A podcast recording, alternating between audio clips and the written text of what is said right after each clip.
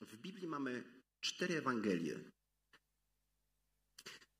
Napisane przez czterech mężczyzn. Ewangelie to nie jest zapis kronikarski. To nie jest jak kronika, dokładnie wszystko po kolei. E, Ewangelie są takim innym gatunkiem, który zawiera prawdziwe wydarzenia, ale też jest zbudowana cała historia w oparciu o jakieś przesłanie główne, które przyświecało temu, który pisał. Dlatego widzimy w Ewangeliach tuż przed śmiercią Jezusa, tuż kiedy Słowo Boże mówi i wtedy skonał, wtedy umarł, że Jezus wypowiada jedno zwykle zdanie.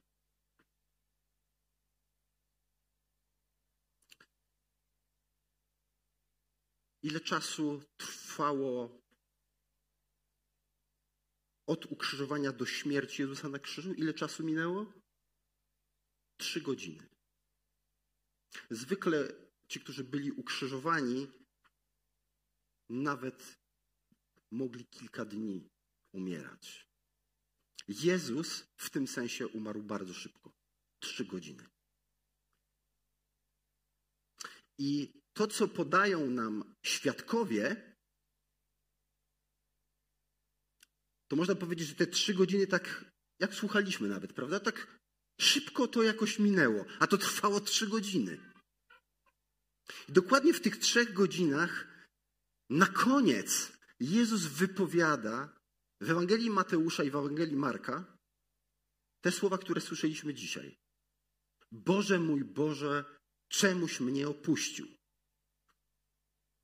Ci ewangeliści uchwycili ten, ten zwrot, który padł. Jest to fragment psalmu mesjańskiego. Apostoł Jan co mówi, co, co usłyszał, co Jezus powiedział przed tym, kiedy umarł? Wykonało się. Dokładnie. Na to zwrócił uwagę. Jan. To mu służyło czemuś. Ale my dzisiaj spróbujemy chwilkę zastanowić się nad tym, a czego użył Łukasz. Poprosimy o wyłączenie telefonów. E, jakiego zwrotu użył Łukasz? Co on dowiedział się, że Jezus powiedział tuż przed tym, kiedy zmarł? Czy ktoś może wie, jakie jeszcze jedno sformułowanie jest użyte w Ewangeliach? Ojcze, w ręce Twoje powierzam ducha mego. Łukasz jedynie to mówi. Ojcze, w ręce Twoje powierzam ducha mego. Co dzieje się wcześniej? zanim Jezus to wypowiada, a kiedy idzie już, zatrzymali Szymona Cyrenejczyka, aby pomógł nieść krzyż. Oczywiście Szymon na pewno się bał, żeby czasami się nie pomylili, jego nie ukrzyżowali. I to mówię na serio. Naprawdę ci ludzie, których Rzymianie zmuszali, no nagle mogli się pomylić i ukrzyżować nie tego. Na pewno Szymon się bał. Po drodze Y, Jezus spotyka, idąc na ukrzyżowanie, on wie dokąd zmierza, spotyka grupę niewiast, które płaczą nad nim. Co robi Jezus? Odwraca się do nich i mówi: Hej, nie płaczcie nade mną, płaczcie nad sobą. Bardzo ciekawe. Jezus nie jest skoncentrowany, pożałujcie mnie. Jezus mówi: Nie płaczcie nade mną, raczej płaczcie nad sobą. Nie użalajcie się nade mną. A następnie widzimy, że krzyżują z nim dwóch złoczyńców. I co tam się dzieje pod tym krzyżem? Mamy religijnych ludzi, którzy mówią, śmieją się z Jezusa, kiedy został ukrzyżowany. Mówią, ha, jeżeli ty jesteś naprawdę synem Bożym, no to zejdź z krzyża. Zobaczymy, czy twój ojciec naprawdę jest Bogiem. I śmieją się, drwią z niego. Stoją też żołnierze, którzy śmieją się z Jezusa, mówiąc, to ty jesteś królem, ty masz władzę? Ty jesteś, no, no to jak ty jesteś królem i masz władzę, no to rozkaż, żeby rzeczywiście, żeby, żebyś był uwolniony. No pokaż tą swoją władzę i śmieją się z niego. Dochodzi nawet do takiej tragikomedii, że tych dwóch złoczyńców, którzy zostali ukrzyżowani z Jezusem, jeden z nich mówi do Jezusa, ukrzyżowany ten złoczyńca, mówi, no to jak ty jesteś masz taką moc i jesteś tym, za kogo się uważasz, bo mówiłeś, że jesteś synem Bożym, że jesteś królem, że masz moc, jeżeli ty naprawdę nim jesteś, no to zejdź z krzyża i nas uwolnij. W tych samych okolicznościach drugi złoczyńca co mówi? Ty się Boga nie boisz? My słusznie ponosimy karę. My słusznie zasłużyliśmy na to, ale nie on. I skruszony na krzyżu, tuż przed śmiercią, mówi do Jezusa: Wejrzyj na mnie. Wstaw się za mną.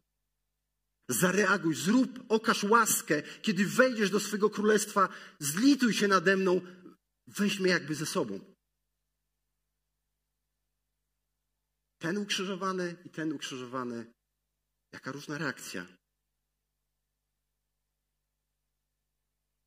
I potem właśnie słyszymy to sformułowanie w Ewangelii Łukasza w 23 rozdziale, ten moment w 46 wersecie. A Jezus zawoławszy wielkim głosem rzekł: Ojcze, w ręce Twoje polecam ducha mego.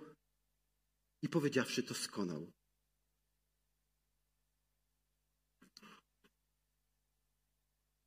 Ojcze, w ręce Twoje powierzam ducha mego. Nie wiem, czy wiecie, że to też jest psalm. Że to jest fragment psalmu. To nie znaczy, że Jezus tego nie przeżywa, że on tylko tak recytuje sztucznie. Nie, nie. Ale on cytuje psalm 31.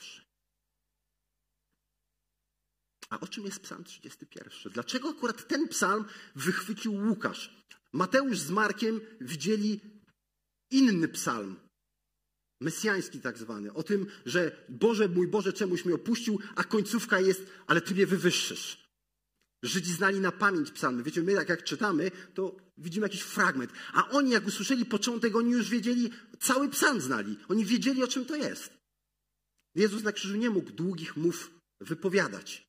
I tuż przed skonaniem wypowiada te słowa. Ojcze mój, w Twoje ręce powierzam ducha mego. Kim jest ten, komu powierza Jezus swojego ducha?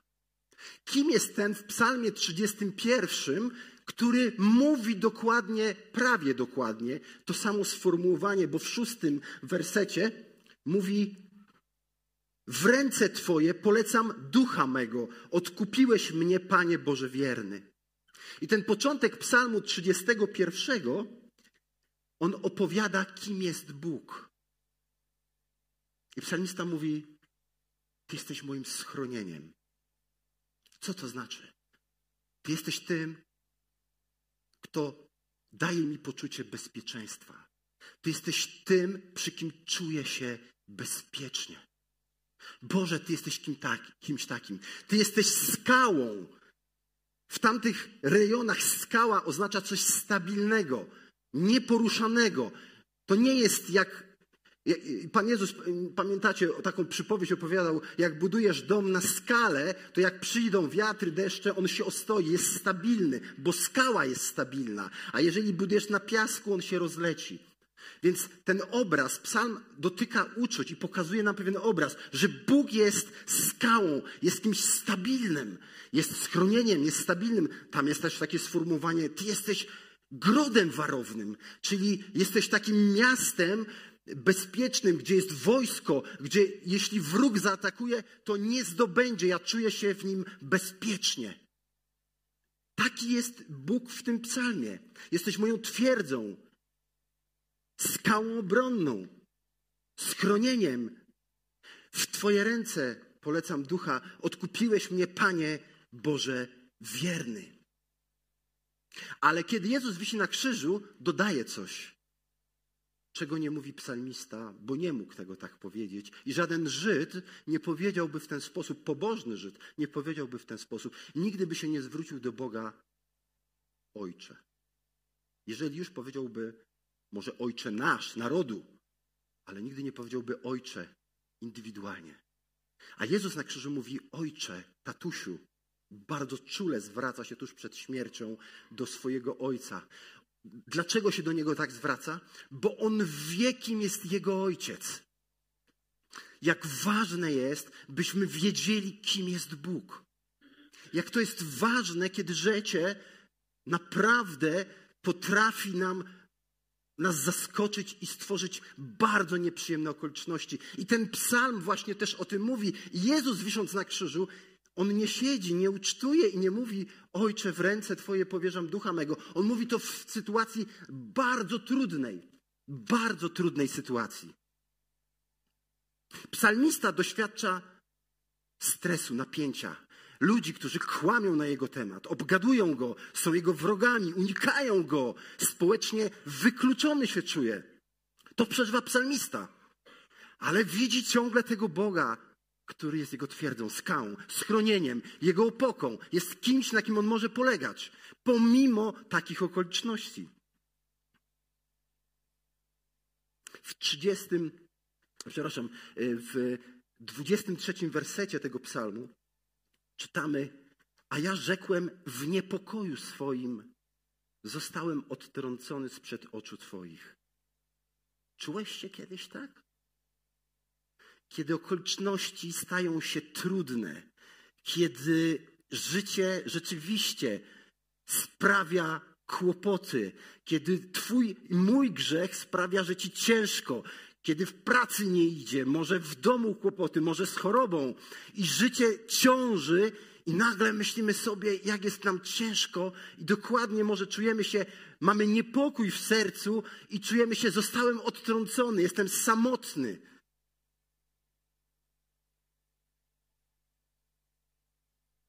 Gdzie jesteś? Mój ojcze. Kim jesteś, mój ojcze? Skoro pozwalasz tak mi się czuć.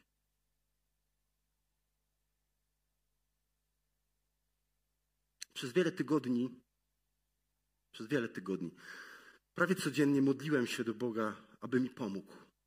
Pomógł zwalczyć pewien grzech w moim życiu. Aby mi pomógł. Każdego ranka budziłem się i wołałem do Niego: Pomóż mi, ja nie chcę tego. A to było silniejsze ciągle i zmagałem się, i zmagałem. I myślę, no wołam do ciebie. Czemu, czemu czuję się, że jakoś no nie widzę efektu, nie chcę. I tak gdzieś potem upadam. Pomóż mi. Czułem się, no właśnie, w niepokoju. Jakby, no, czemu nie działasz, panie? Jesteś Bogiem przecież żywym. Aż przyszedł moment, w którym jeden z braci się ze mną umówił. I mówi, wiesz co, jeszcze z dwoma innymi modlimy się o Ciebie. Modlimy się, czujemy, że widzimy, jakoś rozpoznajemy, że potrzebujesz wsparcia, modlimy się o Ciebie. Dwa czy trzy dni, a to zanim, zanim te dwa, trzy dni minęły, rozmawiałem potem z moją Agniesią o tym, Pamiętam, co Agniesia w modlitwie powiedziała, bo modliliśmy się od razu. Agniesia powiedziała takie mniej więcej słowa, że Boże, my się modlimy i my nawet nie widzimy, jak wiele Ty działasz w naszej sprawie. Po prostu tego nie widzimy. Czujemy się w swoim niepokoju, że jesteśmy gdzieś oddaleni, że Bóg nic nie robi w naszej sprawie. Ale Bóg robił. Tylko tego nie widzieliśmy. Dwa, trzy dni od tego spotkania pamiętam spacer w lesie. Kolejna modlitwa. I nagle coś się wydarzyło w moim życiu wewnętrznie. Wiem, że to Bóg, nawet nie wiem, jak wam to opisać, sam nie umiem do końca tego czytać. Nastąpiła jakaś zmiana. I problem, jak na razie, odszedł na bok.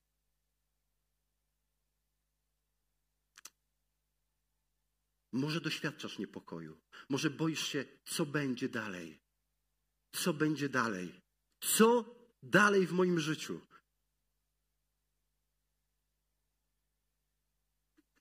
Może rodzą się wątpliwości, może jesteśmy przerażeni. Z niektórymi rozmawiam, dzielicie się też szczerze. Niektórzy są przerażeni.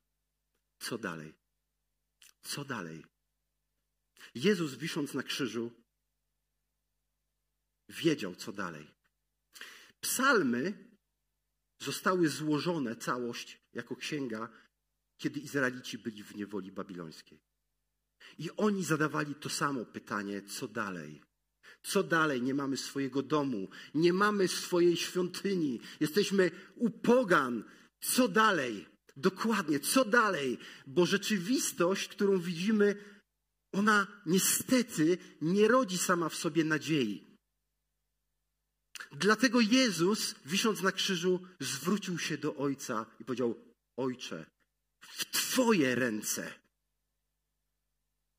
Bo Ty jesteś schronieniem, Ty jesteś skałą, Ty jesteś stabilny, Ty jesteś gwarancją. Ty, nie ja, nie moja sprawiedliwość, nie moje wysiłki, nie ja, ale Ty. Jezus, wisząc na krzyżu, Słuchajcie, gdyby on nie miał zaufania do Ojca, to jest Bóg, który stał się człowiekiem. Gdyby nie miał zaufania do Ojca, czy poddałby się takiemu wydarzeniu, że miałby wziąć całą grzech na siebie i umrzeć? Nie tylko fizycznie, nie myślmy tylko o śmierci fizycznej. To było dużo głębiej. Wyobraź sobie, że stoisz nad przepaścią. Na spotkaniach dla narzeczonych mamy taki rysunek w pewnej książce. Stoisz nad przepaścią. I ta przepaść nazywa się tam dno. To jest, żebym nie skłamał, przepaść odrzucenia na dole. Stoisz i widzisz, że musisz zrobić ten krok, nie możesz tu stać, starasz się stać stabilnie na tym czymś, co zbudowałeś, ale Bóg do ciebie mówi: musisz zrobić ten krok. Ale tu jest przepaść. Ale nad tobą jest Bóg, który mówi: musisz mi zaufać, że to ma sens. I robisz ten krok, i teraz pytanie: spadniesz? No właśnie. Spadniesz? Nie spadniesz. Nie spadniesz. Jeśli zaufasz mu, on cię będzie trzymał. Tym jest wiara.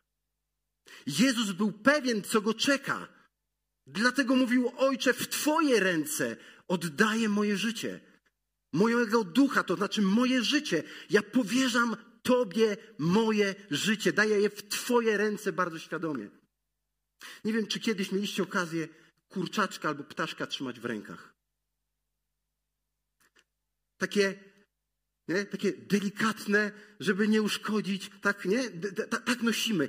To, to jest to obraz, który mi się rodzi w tym, co Jezus, w jakim zaufaniu Jezus powiedział do Ojca, ja oddaję swoje życie w Twoje ręce, jestem ja jako człowiek jestem jak ten kurczaczek, który rzeczywiście za chwilkę mógłby się pokruszyć, ale jestem w pewnych rękach. Ja swoje życie całe składam świadomie w Twoich rękach bo wiem, jak to się skończy. W tym momencie jest ciężko. Jezus, wisząc na krzyżu, wiedział, że musi umrzeć. Wiedział, że to musi przejść, ale wiedział, co stoi dalej. Dlatego to wyznanie, tatusiu, w Twoje ręce oddaję moje życie. Ufam Ci, jestem pewny tego, że warto, bo Ty mnie wzbudzisz z martwych. W Biblii znamy historię jedną. Ojca, który musiał poświęcić syna. Prawda? Abraham. Bóg obiecał mu, z tego syna będzie potomstwo, a w pewnym momencie mówi: idź, złóż go na ofiarę. W tamtych czasach oczywiście kulty pogańskie były takie. I Abraham idzie posłusznie, ale list Hebrajczyków mówi, że on wierzył, że nawet gdyby zmarł jego syn, to Bóg go wzbudziłby z martwych, bo obiecał, że z niego będzie potomstwo. To jest wiara. Zaufanie, że Bóg rzeczywiście dochowa tego, co powiedział. Abraham stanął nad przepaścią i musiał zrobić ten krok, ufając, że Bóg go będzie trzymał. I może czujesz się dzisiaj niepewnie. Może niepewność wynika ze zmagań wewnętrznych.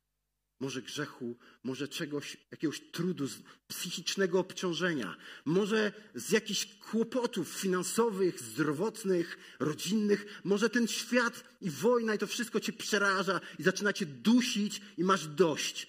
Jeśli tak jest, możesz zrobić to, co zrobił Jezus.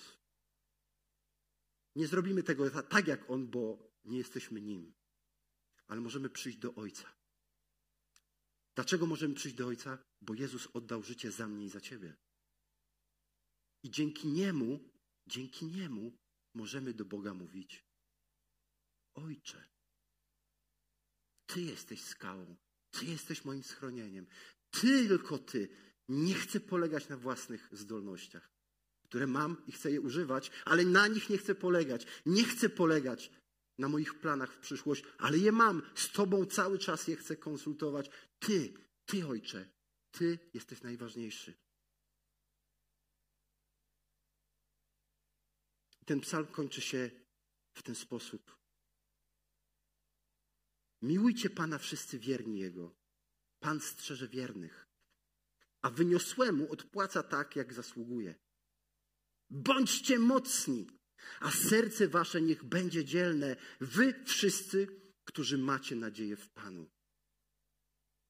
Nadzieja na przyszłość. Skąd ją wziąć? Nie wymyślić. Spojrzeć na Ojca, poznawać Go, dziękować Mu za to, że jesteśmy Jego dziećmi, wierząc w Jezusa, który nas zbawił, który nas uczynił dziećmi Bożymi i trzymać się Niego. Skały schronienia. Nawet jeśli jest bardzo ciężko. Bo właśnie Jezus to zrobił na krzyżu. Powiedział: Ojcze, w Twoje ręce, nie w, nie, nie w innych ludzi, nie w okoliczności, w Twoje ręce oddaję ducha mego.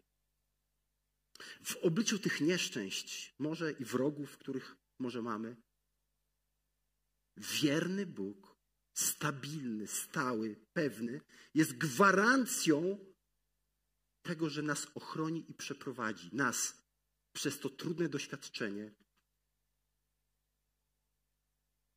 Zrobi to wobec tych, którzy złożą w Jego rękach życie. Może dawno temu uwierzyłeś. Powiedziałaś, może miałeś taki moment, w którym tak, Panie Jezu, wierzę, że naprawdę umarłeś za mnie. Może to było wiele lat temu. W tym sensie to nie ma znaczenia, bo jesteś tu dzisiaj. Pytanie, w czyich rękach jest Twoje życie dziś?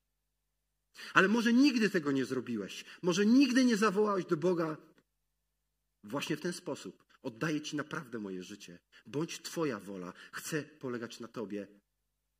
Może dzisiaj jest ten czas. Może dzisiaj jest ten moment.